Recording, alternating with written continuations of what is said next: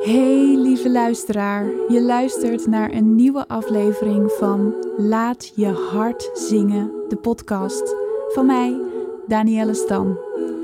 Ik neem je heel graag mee in mijn wereld van zang, verhalen, hoogsensitiviteit, liefde voor teksten en een beetje perfectionisme. En ik ga natuurlijk ook af en toe voor je zingen. Deze podcast is helemaal voor jou als jij vanuit je hart wilt zingen en met de juiste mindset de beste zanger of zangeres wilt worden die jij kunt zijn. Fijn dat je er bent. Laat je hart zingen. De podcast. Hey lieve zangers en zangeressen, hartelijk welkom bij weer een nieuwe aflevering. Ik hoop dat alles goed met je gaat. Ik, uh, met mij gaat het wel goed. Ik heb heel erg genoten van de afgelopen dagen die ons toch nog een klein beetje zonneschijn hebben gegeven. Dus een hele mooie nazomer eigenlijk. En dat heeft me nog wel even heel goed gedaan, want ik ben echt een zomermens.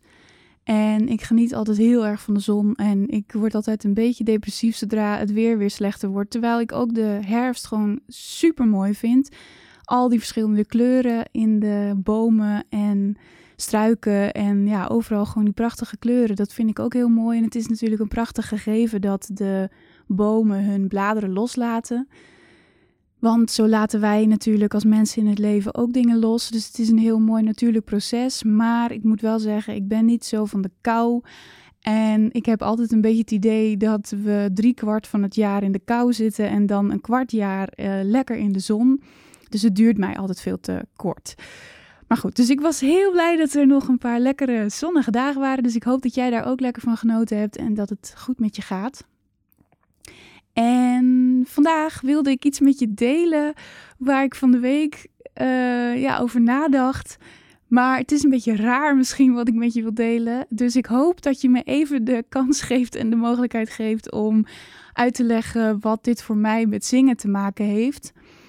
Uh, maar ik wilde het toch graag met je delen. Dus, uh, en je hebt het waarschijnlijk in de titel al gezien en waarschijnlijk gedacht: wat heeft dit met zingen te maken? Um, maar waar het dus over gaat, is dat ik heel graag kijk naar het televisieprogramma Married at First Sight. En voor wie dit programma niet kent, het is een programma, waar, ja, eigenlijk een reality-programma, waarbij er een aantal mensen zijn die in, in de liefde niet zo um, goed slagen. En zij hebben zich opgegeven voor een wetenschappelijk experiment, waarbij wetenschappers mensen gaan um, matchen met elkaar. En dat ze dus met elkaar gaan trouwen de eerste keer dat ze elkaar zien. En dan gaan ze door het experiment heen. En dan Um, gaan ze dus kijken of ze echt die klik ook ervaren die die wetenschappers bij zich gezien hebben. En volgens mij is er ook een Nederlandse versie van. Die kijk ik niet. Um, niet omdat daar een bepaalde reden voor is, maar omdat ik toevallig uh, dit kijk. Ik kijk nu de Australische versie. Um, en het ding was, dat ik me ineens afvroeg. Ik weet ook niet meer hoe ik bij dit tv-programma gekomen ben. Maar ik vroeg me ineens af: waarom kijk ik dit eigenlijk? Terwijl ik het wel heel leuk vind. Maar het is een soort van. Um, ja, hoe zeg ik dat nou? Uh, het is een soort van guilty pleasure, om het zo maar te zeggen. Want Um, ja, het is niet helemaal. Als ik zeg tegen mensen dat ik dit tv-programma kijk, dan kijken ze ook een beetje raar. Omdat het niet iets is wat voor de meeste mensen past in het beeld bij wat ze van mij hebben. Of waarvan ze zouden denken dat ik dat tv-programma zou kijken. En nou is dat ook helemaal niet belangrijk. Um, het maakt wat mij betreft niet uit wat iemand anders daarvan vindt. Maar um, ja, ik, ik denk dan dus ook van, hè, maar hoe past dit nou in de lijn van wat ik leuk vind? Want ik ben heel erg van de, uh, pro programma's waar je echt iets uit kunt leren en of natuurprogramma's. En um, ja, ik vind het vooral altijd heel fijn als ik ergens echt helemaal in kan duiken en dat ik, ja, dat ik er iets uit leer. En dat is dit natuurlijk helemaal niet. Dit is gewoon puur entertainment. En Ehm, ja, het eerste wat je nu misschien denkt is, als je aan dat tv-programma denkt, oh, het gaat je om het drama. Maar dat is dus precies wat ik je wil gaan uitleggen vandaag. Ik zat er namelijk over na te denken, dit programma heeft best wel heel veel drama en ik heb daar eigenlijk niks mee. Ik hou niet van drama, ik hou niet van... Ja, als mensen ruzie hebben, eh, dat, dat, vind ik gewoon, ja, ik, ik, nou ja, eh, ik dat gebeurt natuurlijk in ieders leven dat je ruzie hebt. Maar het is niet dat ik nou graag naar andere mensen ga zitten kijken die ruzie hebben. Ik krijg daar niet een, een, een thrill van of zo. Hoewel ik dan natuurlijk wel dat kijk omdat ik hoop dat ze het weer goed maken. Maar goed. Um, waar ik dus achter kwam waarom ik dit kijk, is omdat ik. Ik ben ten eerste gewoon een hopeloze romanticus. Dus ik vind het gewoon alleen al super, super stoer dat deze mensen besluiten om één aan een tv-programma mee te doen. En twee, ehm, dat ze dus aan dit programma meedoen en zich helemaal overgeven aan de experts in dit geval. En zich helemaal openstellen voor het feit dat iemand anders een partner voor ze uitkiest. En dat ze dus zo graag liefde willen vinden dat ze zich daar helemaal voor openstellen. En dat ze er dus volledig voor gaan. Ze gaan volledig voor die liefde. En daar wil ik al een hele kleine link maken naar het zingen. Want als ik daarnaar kijk, ik, daar, ik, ja, daar krijg ik het echt helemaal warm van. Ik zeg net al, ik ben een hopeloze romanticus. Liefde is voor mij gewoon. En in mijn beleving geldt dat voor iedereen. Liefde is het aller, allerbelangrijkste wat er in je leven is. En ehm, dat kan een liefde zijn van een partner, maar dat kan natuurlijk ook gewoon liefde zijn van vrienden en familie. Dat kan zich in heel veel verschillende vormen uiten. Maar dat is het allerbelangrijkste wat er is, in mijn beleving. En ehm, zingen is voor mij een manier om mijn liefde te uiten. Dus wat dat betreft, daar ligt voor mij een link. Maar waar de link vooral ligt met het tv-programma is dat ik um, nou, wat ik net al zeg, dat ik het zo stoer vind dat ze zich hier helemaal voor openstellen.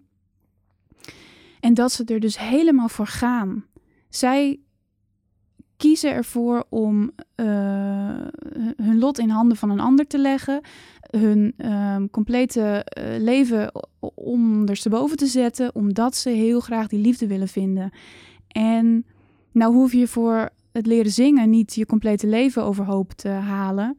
Maar het is wel belangrijk dat als je dit wilt leren en als jij wilt zingen, dat je er volledig voor gaat. En ook dat je er helemaal volledig induikt. En dat je dus um, jezelf, zonder jezelf tegen te houden, de ruimte geeft om jezelf volledig te ontwikkelen. En dat is eigenlijk wat ze natuurlijk in dat tv-programma ook doen. Ja, en ik vind het gewoon fantastisch mooi om te zien hoe mensen um, ja, als het goed gaat, als het lukt, als ze die klik voelen.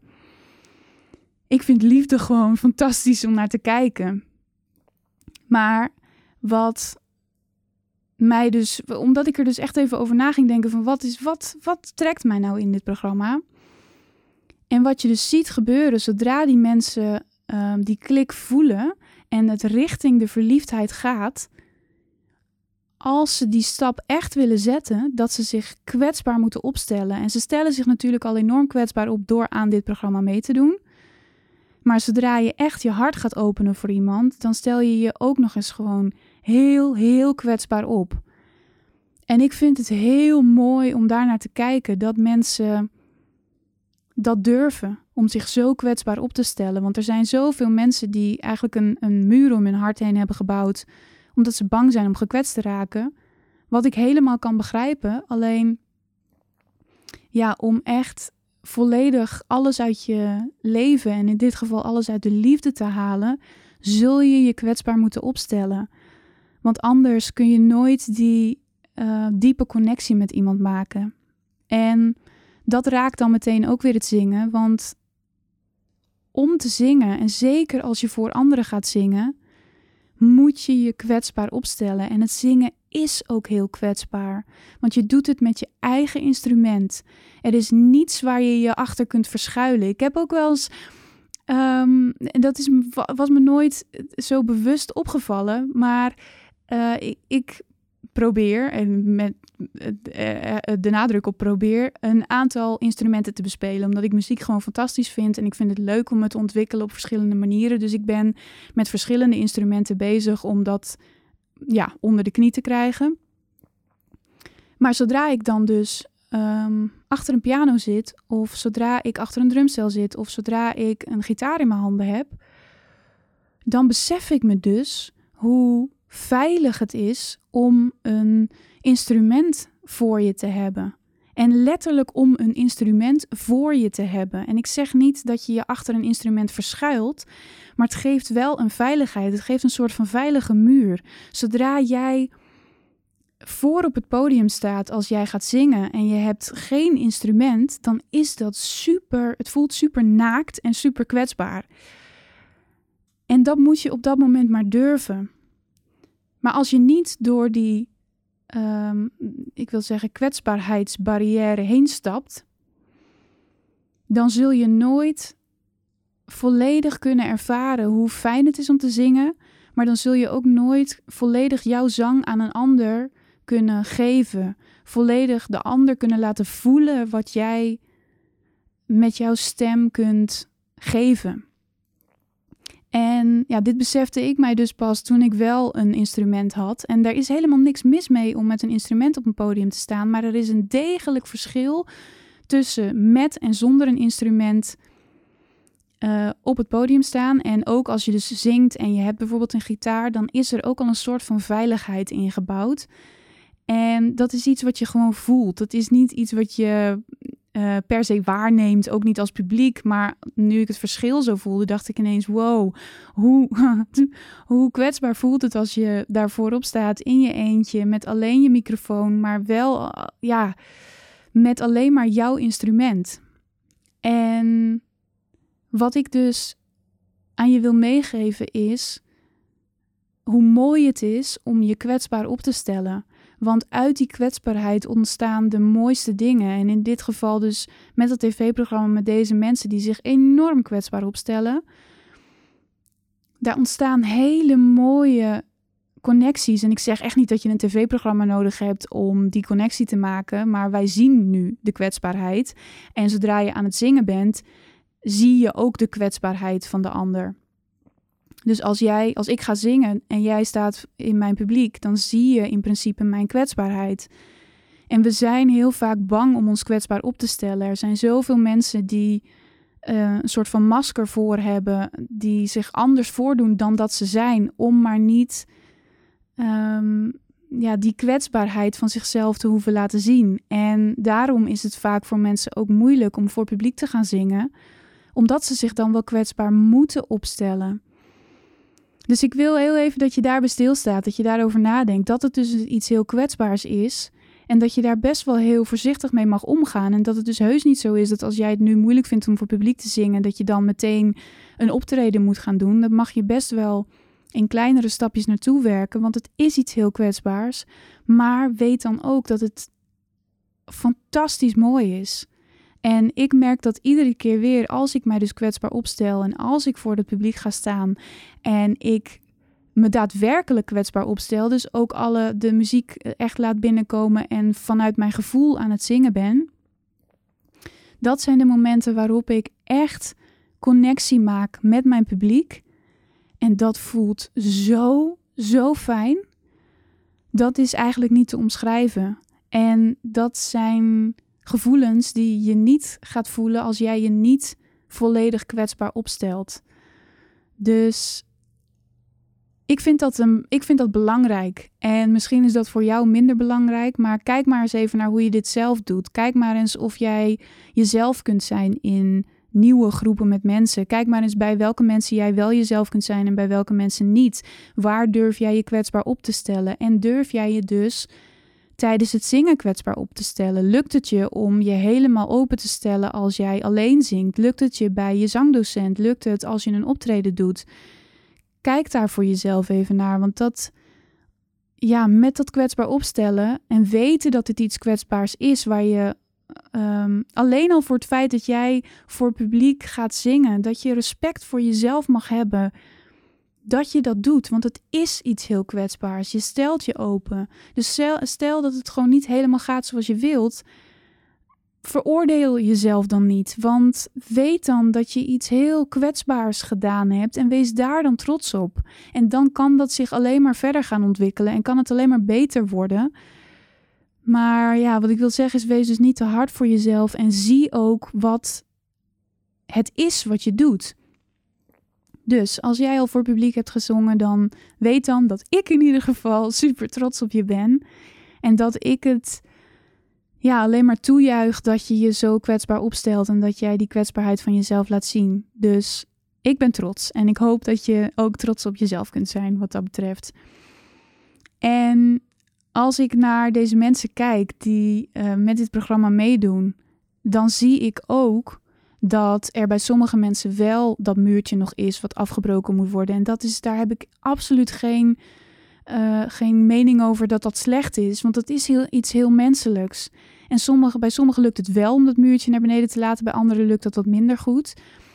Maar je ziet wel dat iedereen die hier aan meedoet, die um, ja, gaat door dat hele proces heen van dat ze dus uh, met psychologen praten en dat ze dus gematcht worden met iemand die heel goed bij ze past op wetenschappelijk gebied.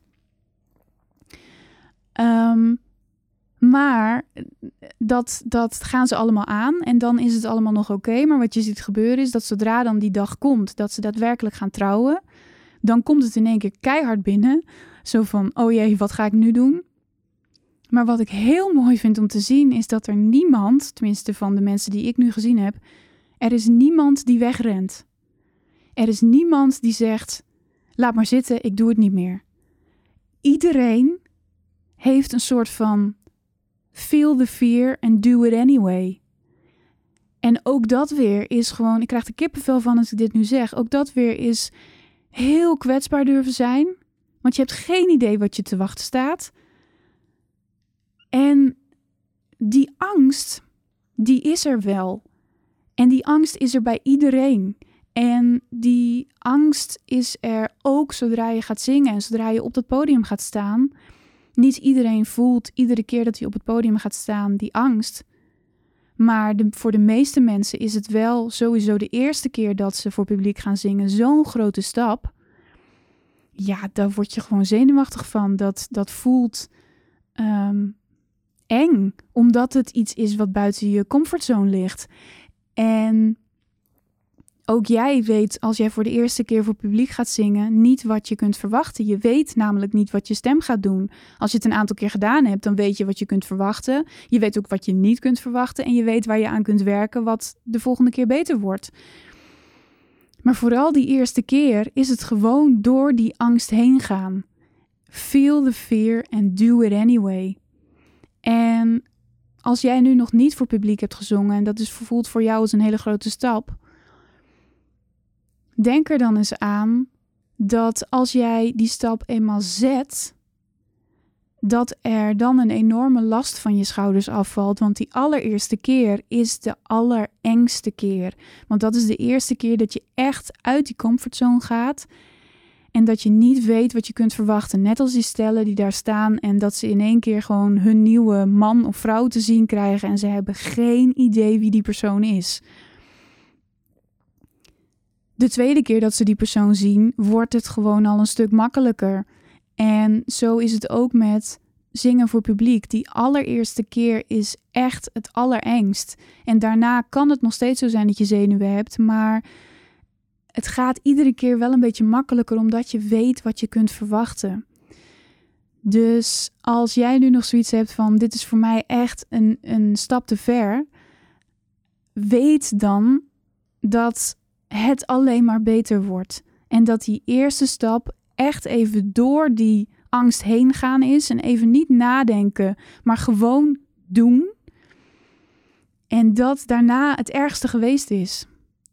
Want uiteindelijk, het enige wat er mis kan gaan is dat, je, uh, dat er geen, geen geluid meer uit je stem, uit je keel komt. Of dat je de tekst niet meer weet. Maar En dat is natuurlijk heel erg. Hè? Ik wil daar niet, uh, of nou, het is heel erg, maar dat voelt natuurlijk uh, verschrikkelijk als jij daar staat en er komt geen geluid meer uit, of je staat daar en je weet je tekst niet meer. Begrijp me niet verkeerd. Op dat moment voelt dat als het einde van de wereld, maar het is niet het einde van de wereld. En dat is wat ik wil dat je even voelt. En als je al wel voor mensen optreedt, dan zijn er vast andere dingen die jij eng vindt. Um, ja, waar je ook gewoon, waar ik je uit wil dagen om ook even door die vier heen te stappen en het toch te doen. Want wij hebben de neiging om te denken: ik heb hier um, last van, ik ben hier zenuwachtig voor, dit lijkt me doodeng, dus ik doe het niet. Maar dat is eigenlijk zo met alles wat buiten je comfortzone ligt. Dat voelt altijd spannend en dat voelt altijd eng. En de enige manier om ervoor te zorgen dat het niet meer eng voelt, is door het gewoon te doen. En daar komt ook een beetje om de hoek kijken um, de hele mind. Ja, dus vanuit de mindset. Um, er is niet een mooie vertaling voor het woord mind uit het Engels. Dus eigenlijk met je hoofd, maar dat is niet echt de vertaling. Um, jouw ratio, jouw hoofd is erop ingesteld als je helemaal teruggaat naar de basis om te overleven. En dat betekent dat jouw ratio eigenlijk dus altijd alles wil doen wat jij altijd al gedaan hebt, omdat dat veilig is. En waarom is dat veilig? Omdat jouw mind weet: als ik dit doe, dan overleef ik. En Natuurlijk is het niet zo dat als jij nu op een podium gaat, gaat staan en gaat zingen, dat je dat niet overleeft. Maar dat weet jouw ratio, dat weet jouw mind niet. Dus die wil liever geen nieuwe dingen uitproberen, want het zou wel eens zo kunnen zijn dat we dat niet overleven. En als wij gewoon blijven doen wat we al deden, dan weten we dat we het overleven. En dit klinkt heel idioot, maar helemaal terug naar de basis werkt het wel zo. Dus dat is waarom ze ook altijd zeggen van je moet uit je comfortzone gaan. En dat doe je natuurlijk in kleine stapjes. Dat hoeft allemaal niet in één keer. Maar eigenlijk eh, zit je dan dus, doe je iets tegen je natuur in, tegen jouw ratio in. En daarom moet je die af en toe even achterwege laten. En dus feel the fear and do it anyway. Omdat je namelijk ook wel, als je logisch nadenkt, weet dat als jij op het podium gaat staan, je niet doodgaat.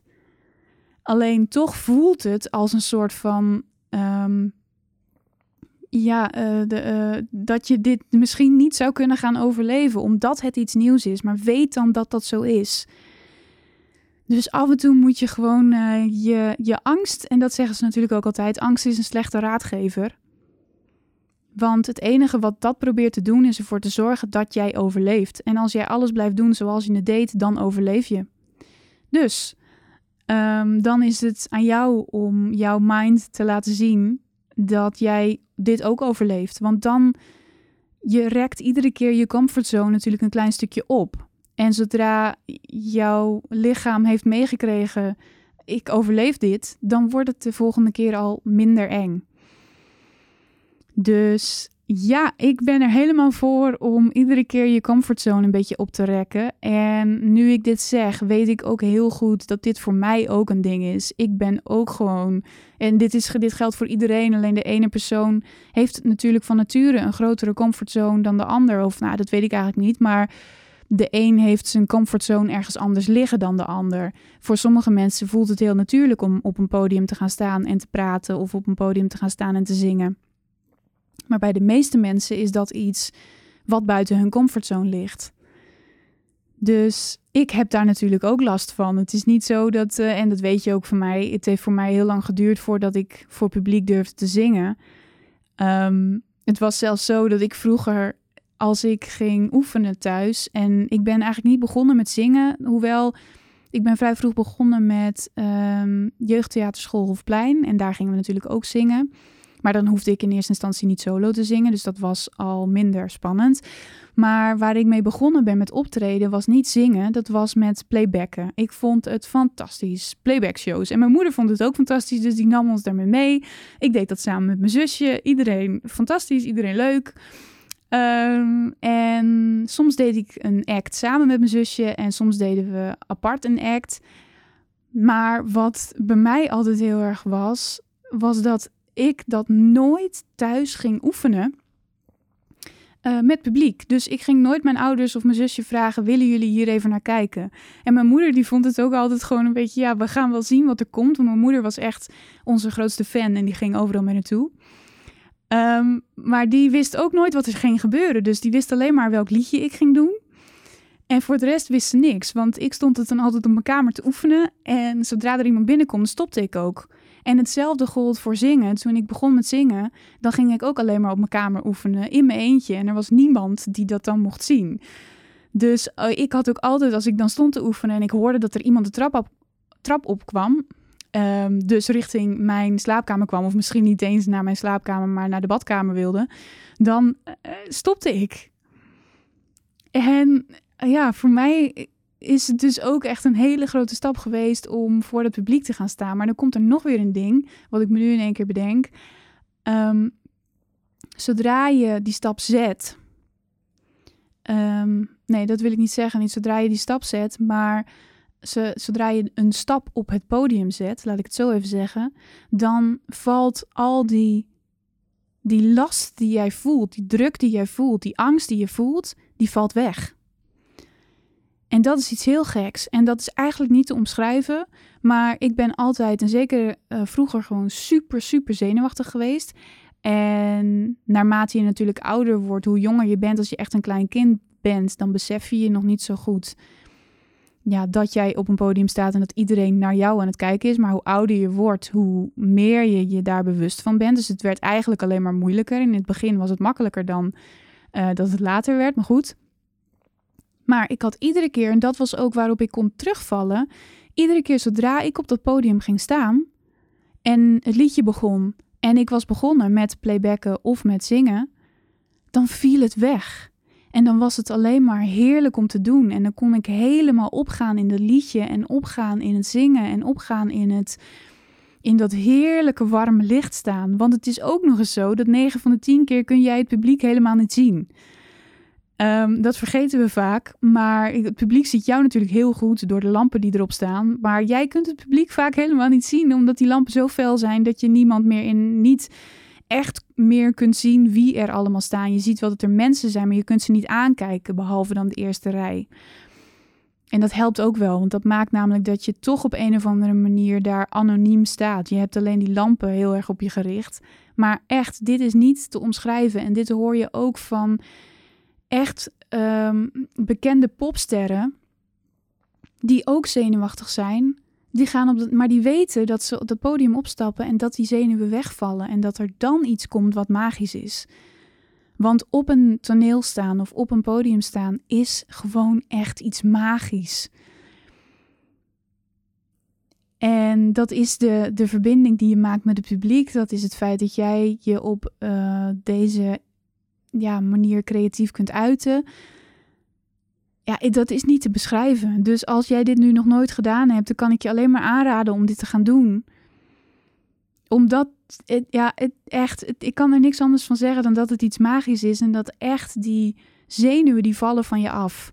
Als je eenmaal bezig bent.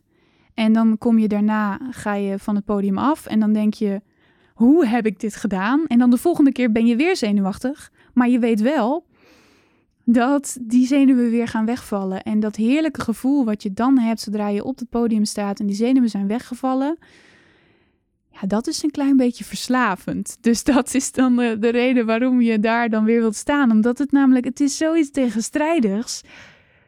Het is het engste wat je kunt doen, maar het is ook het heerlijkste wat je kunt doen. En ja, dus ik, nou, ik heb helemaal zin uh, meteen gekregen om weer te gaan optreden. Um, nou ja, goed. Uh, ik hoop dat jij hier ook zin van krijgt om te, om te gaan optreden en dat je dit van me aan kunt nemen. Dat dat echt van je afvalt zodra je dat podium opstaat, uh, opstapt. En nog even terug te komen op Married at First Sight. Wat ik ook zo mooi vind aan dat programma is dat zij zich nog een keer weer kwetsbaar opstellen doordat ze hun reis aan de hele wereld laten zien. Ze laten echt zichzelf zien. En ik zeg hiermee nogmaals niet dat jij nu ook een tv-programma moet gaan meedoen. Want er zijn natuurlijk uh, allerlei tv-programma's om met zingen mee te doen. En als dat iets is wat jou aantrekt of wat je leuk vindt, dan zeg ik doen. Maar als dat iets is wat helemaal niks voor jou is, dan moet je dat absoluut niet gaan doen, omdat ik nu zeg ze laten zich aan de wereld zien. Maar het mooie is dat deze mensen, die, die je kunt meekijken met hun persoonlijkheid, je kunt zien wie ze zijn. En dat is wel iets heel, vind ik iets heel moois en ook iets heel krachtigs. Want natuurlijk zijn er mensen die van koppel A vinden dat de man uh, niet leuk is en de vrouw wel heel lief. Van koppel B vinden ze de man weer gewoon super stoer en leuk. En vinden ze de vrouw uh, saai. Ik zeg maar wat. Maar als jij kijkt naar um, wat er bijvoorbeeld op sociale media gebeurt met de mensen die aan zo'n programma meedoen, dan zie je dat er altijd voor elke persoonlijkheid zijn er mensen die aanhaken, zijn er mensen die die persoon mooi vinden, zijn er mensen die die persoon gaan volgen omdat ze het te gek vinden hoe ze zich gedragen of te gek vinden wat ze doen. Maar dat kan alleen maar als zij zich laten zien en als zij hun persoonlijkheid laten zien. En dat is wat ik jou ook graag wil meegeven. Als jij niet voor andere mensen gaat zingen, maar je voelt wel ergens die. Um, ja, het kriebelt wel ergens. Dan wil ik je alleen maar zeggen: ga dat dan doen. Laat jezelf zien. Want natuurlijk gaan er altijd, mensen zijn die het niet goed vinden wat je doet. Maar er gaan ook altijd mensen zijn die het wel mooi vinden wat je doet. En wij hebben altijd de neiging om ons op de negatieve um, commentaren te gaan focussen. Terwijl als jij je op de positiviteit focust, dan kom je erachter dat er altijd mensen zijn die het mooi vinden, die het fijn vinden wat je doet. En als jij de behoefte hebt om uiteindelijk te gaan optreden, of als jij de behoefte hebt om jezelf te laten zien, om jouw zang te laten horen, om verbinding met andere mensen te maken door jouw zang, dan moet je jezelf laten zien. En dat kan zijn door een live optreden, dat kan zijn door een filmpje op te nemen op en dat op YouTube te zetten, dat kan zijn door te zingen op Instagram, dat kan zijn door op een familiefeest te zingen. Maar als jij voelt, ik heb de behoefte om mij te verbinden met andere mensen door mijn zang en dat je je zang wilt laten horen,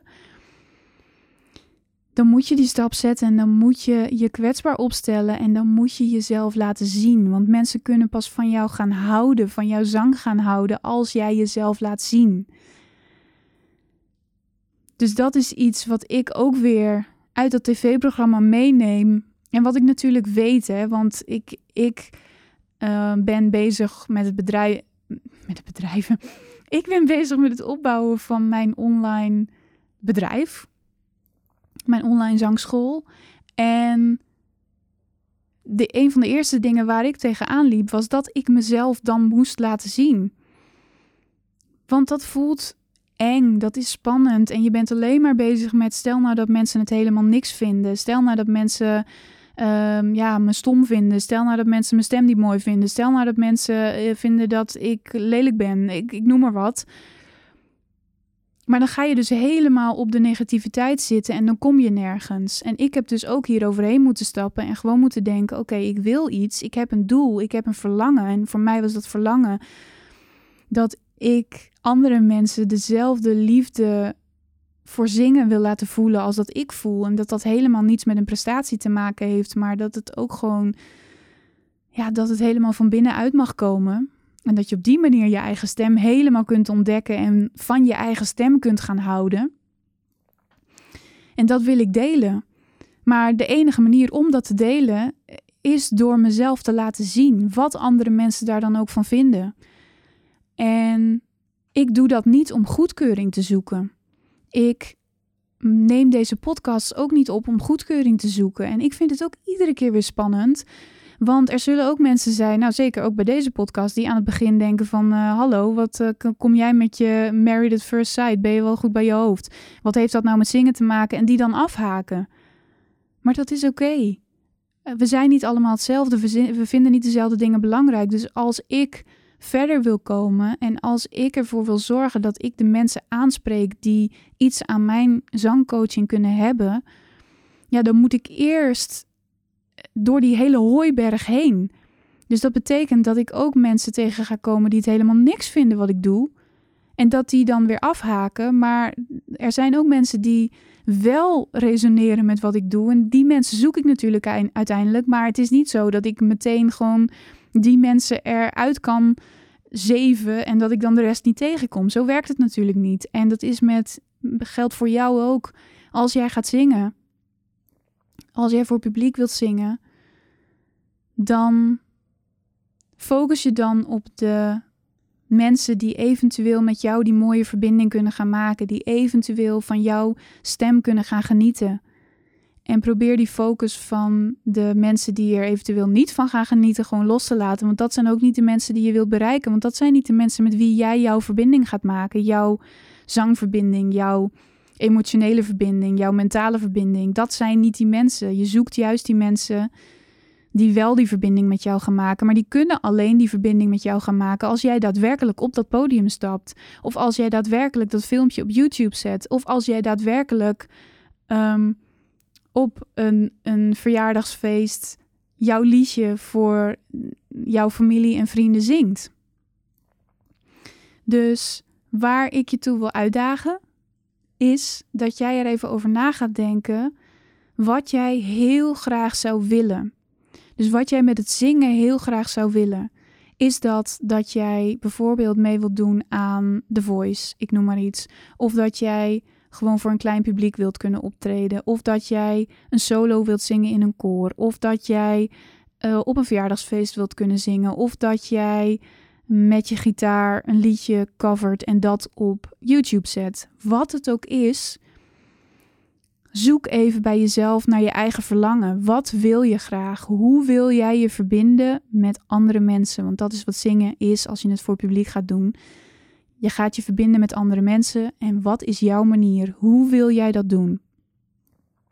En waarschijnlijk kom je nu op iets wat heel groot en heel ver weg voelt. En als ik bijvoorbeeld nu het voorbeeld neem van um, ik ga iets zingen, ik ga een cover opnemen en ik ga die op YouTube zetten. Laat ik dat voorbeeld even nemen. Als dat jouw verlangen is, als dat iets is waar je naartoe wilt werken, bijvoorbeeld met je zanglessen, of misschien ben je nog helemaal niet begonnen, maar voelt dat als jouw grote droom, dan is het eerste wat we gaan doen, is al die dingen weer die in de weg zitten, die gaan we benoemen. Dus ik zeg maar wat, ik heb geen goede camera, ik ehm, kan dat liedje nog niet goed genoeg zingen, ik heb geen begeleidingstrack, ik, uh, nou ja, noem het allemaal maar op. Ik heb niet een goede lamp om het mee op te nemen? Wat nou als, men, als mensen het lelijk vinden wat ik doe? Hoe maak ik een YouTube-kanaal aan? Ik noem maar wat. Dan gaan we allemaal op de moeilijkheden zitten. En dan laten we het maar weer liggen. En dan gaan we er morgen of over een week weer over nadenken. En dan denken we: nee, maar dit is zo groot, dit is zo ver weg. Weet je wat? Ik moet zoveel stappen doorlopen om daar te komen. Laat maar zitten. Waar ik je nu toe wil uitdagen is dat jij jouw grote verlangen voor je haalt. Dat je gaat, even gaat kijken, wat is mijn grote verlangen? En dat je een eerste kleine stap gaat zetten. Dus niet dat je al alle stappen die je nodig hebt om daar te komen gaat zetten, maar dat je en dat je er ook over na gaat denken, maar dat je denkt: wat is de eerste stap die ik nu kan zetten? En ik noem maar iets: de eerste stap die jij nu kunt zetten is dat je nu het liedje aan wat gaat zetten wat je wilt gaan zingen en dat je hem nu een keer oefent. Dan zet je al een stap in die richting. En morgen oefen je hem nog een keer. En de dag daarna oefen je hem nog een keer. En misschien is dan de volgende stap dat je een zangles neemt. Of misschien is dan de volgende stap dat je een um, camera gaat kopen. Nou, waarschijnlijk hoef je die niet te kopen, want die camera die zit wel op je mobiele telefoon.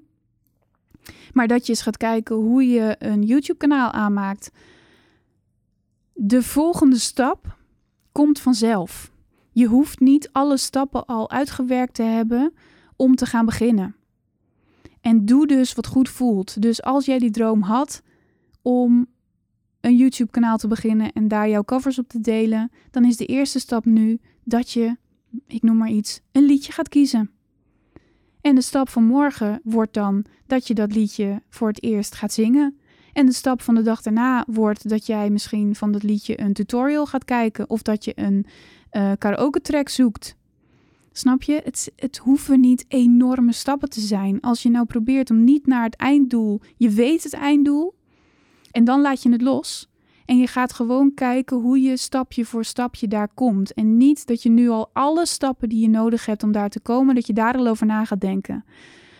Dus pak één doel en neem de allereerste stap. En de volgende stap, echt vertrouw me, die komt vanzelf.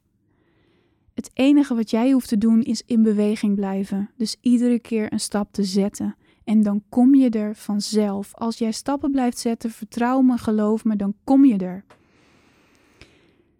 En daarvoor hoef je niet nu al de hele weg te weten.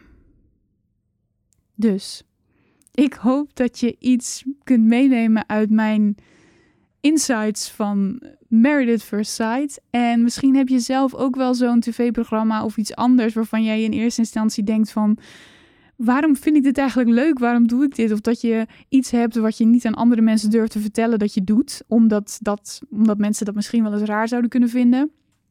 Of omdat het niet bij het beeld past wat mensen waarschijnlijk van je hebben. Ga dan eens nadenken over waarom jij dit zo leuk vindt, of wat erachter zit, of wat dit in jou raakt. Ik vind dat altijd heel leuk om te doen, omdat ik weer meteen heel veel over mezelf leer. En ik blijf dit programma gewoon volgen, omdat ik het heerlijk vind te zien, om te zien dat andere mensen zich verliezen in de liefde. Nogmaals, omdat er voor mij niks mooiers is dan de liefde. Dus ik hoop dat ik je weer uh, heb mogen inspireren vandaag. Dat je het leuk vond om deze aflevering te luisteren. En dat jij daadwerkelijk nu één heel klein stapje in de richting van jouw mooie doel gaat zetten. Eén stapje is genoeg. Ik geloof in jou. Ik vertrouw op jou. En nu is het tijd dat jij dat voor jezelf gaat doen. Ga in jezelf geloven. Ga op jezelf vertrouwen. En zet die eerste stap. Dankjewel weer voor het luisteren. Ik hoop dat ik je heb mogen inspireren en als dat zo is, laat het me dan alsjeblieft even weten door een review achter te laten op iTunes. Ik vind het super leuk om jouw reactie te lezen en dat zorgt er ook nog eens voor dat andere zangers en zangeressen mijn podcast makkelijker kunnen vinden ik wil natuurlijk zoveel mogelijk mensen inspireren, dus laat even een korte review achter op iTunes. En wil je meer van me horen? Vergeet dan niet op de knop abonneren te klikken op iTunes of Spotify of waar je dan ook het liefst jouw podcast luistert, want dan weet je zeker dat je niets mist. Dankjewel en ik spreek je snel weer. Laat je hart zingen. De podcast.